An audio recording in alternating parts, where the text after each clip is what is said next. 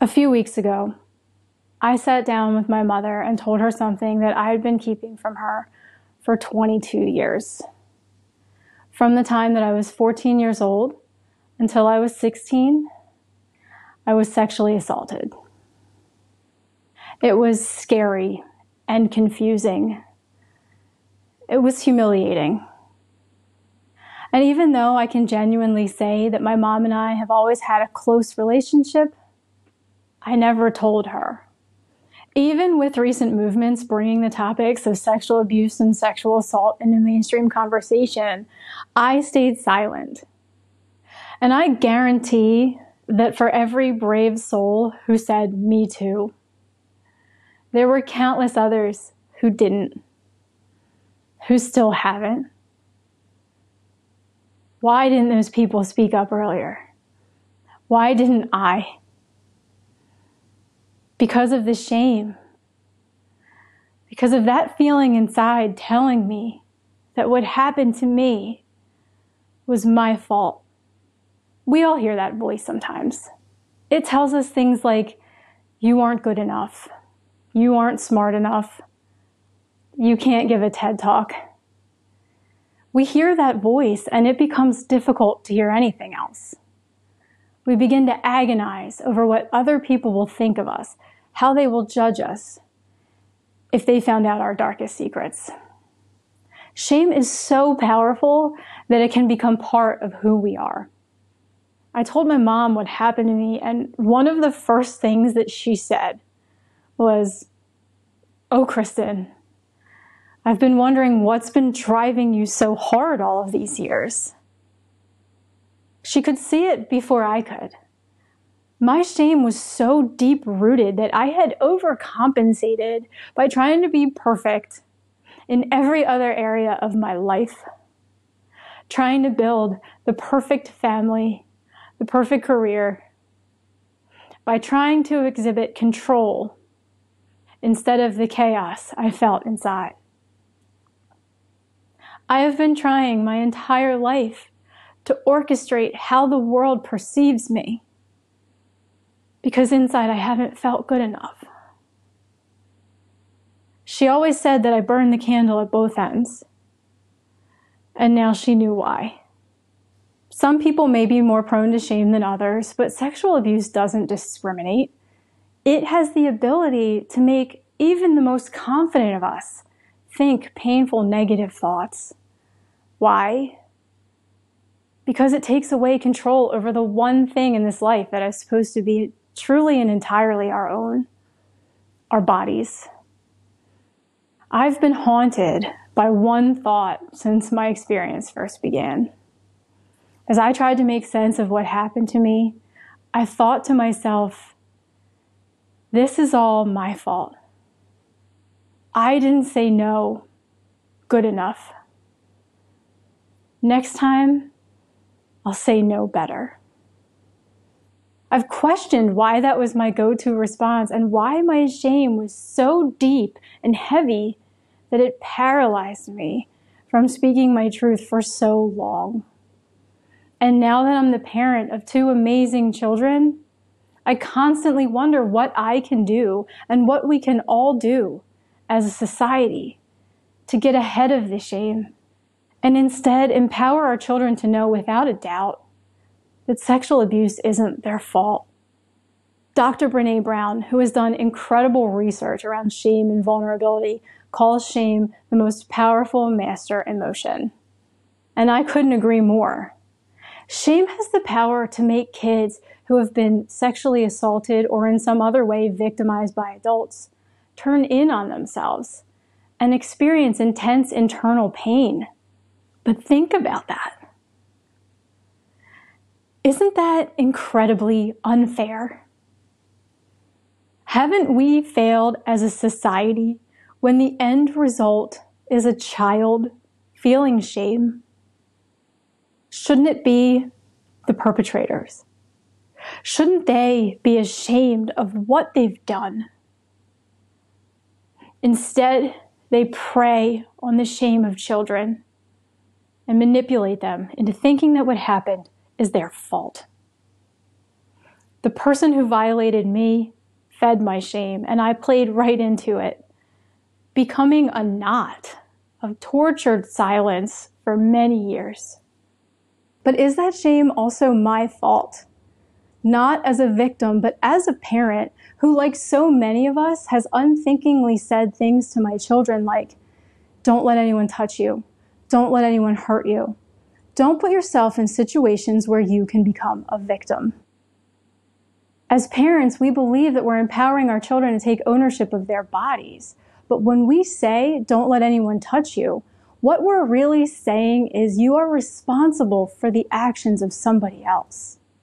We're treating this subject like it's something children can control, which is unrealistic, and are in turn creating a sense of false responsibility in the mind of a child.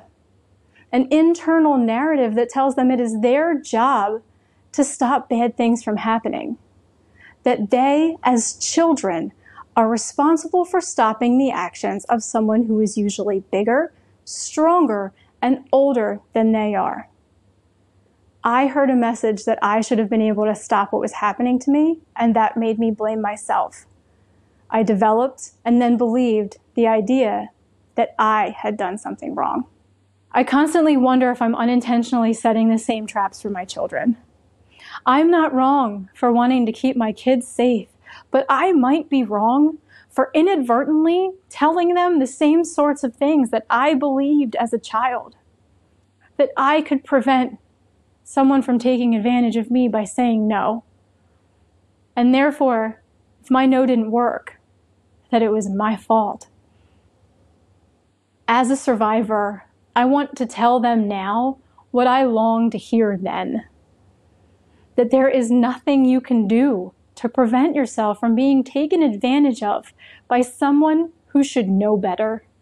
But at the same time, I want them to believe they have the power to stop someone from taking advantage of them. I want them to feel ownership of their bodies. I want to tell my kids that I can protect them, and I want to believe that. But buried beneath all those good intentions and motherly instincts is that same shame. If I tell my kids that there's something they can do to prevent sexual assault, doesn't that mean that there's something that I could have done? We teach our children to say no. I said no every time. And I quickly learned that no doesn't always work.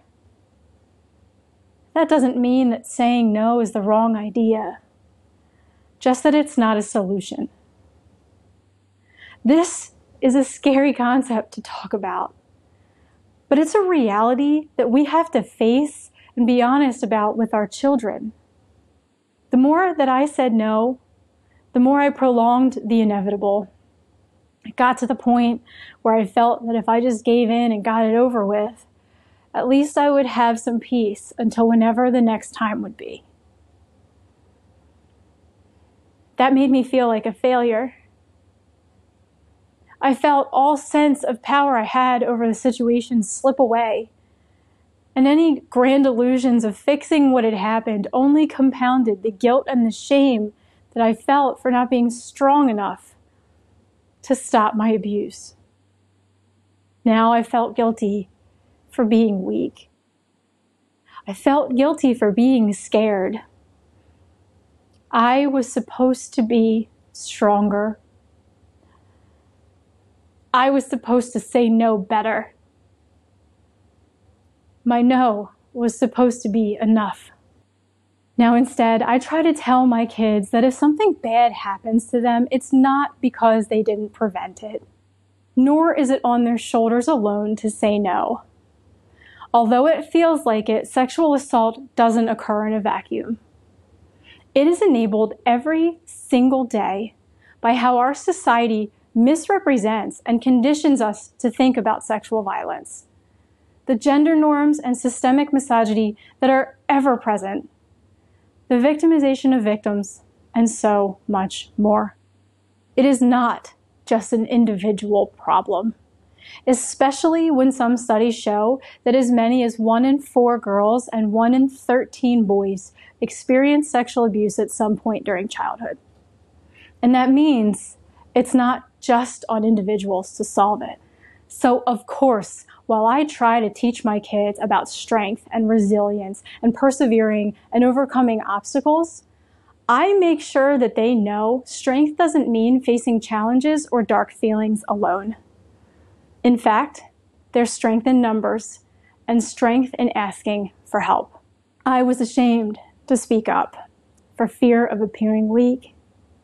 But what I learned is talking about what happened to me only made me stronger. It made my shame start to dissipate.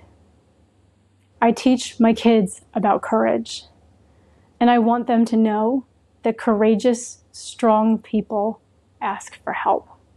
I remember when I was little, my parents would walk me to the bus stop. They said it was to keep me safe, and I believed that. I remember always looking out for that white van that I'd been warned about. But like over 90% of children who are sexually abused, I wasn't taken off a street corner or abducted from a shopping mall. I was violated by someone I knew. My parents did everything they could to protect me. But what none of us realized was the foundation of shame that was building inside when we talked about stranger danger and saying no and not becoming a victim. Of course, this wasn't intentional. They did what all of us want to do as parents. Imagine that there's something we can do to protect our children from bad things. But the fact is, we can't. And we can't solve the problem of sexual assault by shifting all of the blame onto victims or potential victims or even our loved ones. The blame 100% is with the perpetrators. And pretending that it lies anywhere else not only allows those who commit assault to escape full responsibility, but also perpetuates shame for victims. And I, for one, am tired of being ashamed. I'll be honest with you, I wrote at least 10 different conclusions to this talk, but none of them felt right. And I think that's because there isn't a conclusion here.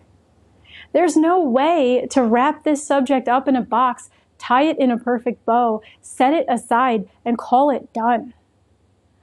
This requires ongoing, open, and sometimes uncomfortable conversations. And as much as I want to protect my children now, what I've come to realize is I can't protect them from sexual violence any more than my parents could have protected me. But what I can protect them from is shame. God forbid my children go through what I went through. I, at the very least, want them to know that sexual assault is not, never was, and never will be their fault. Thank you.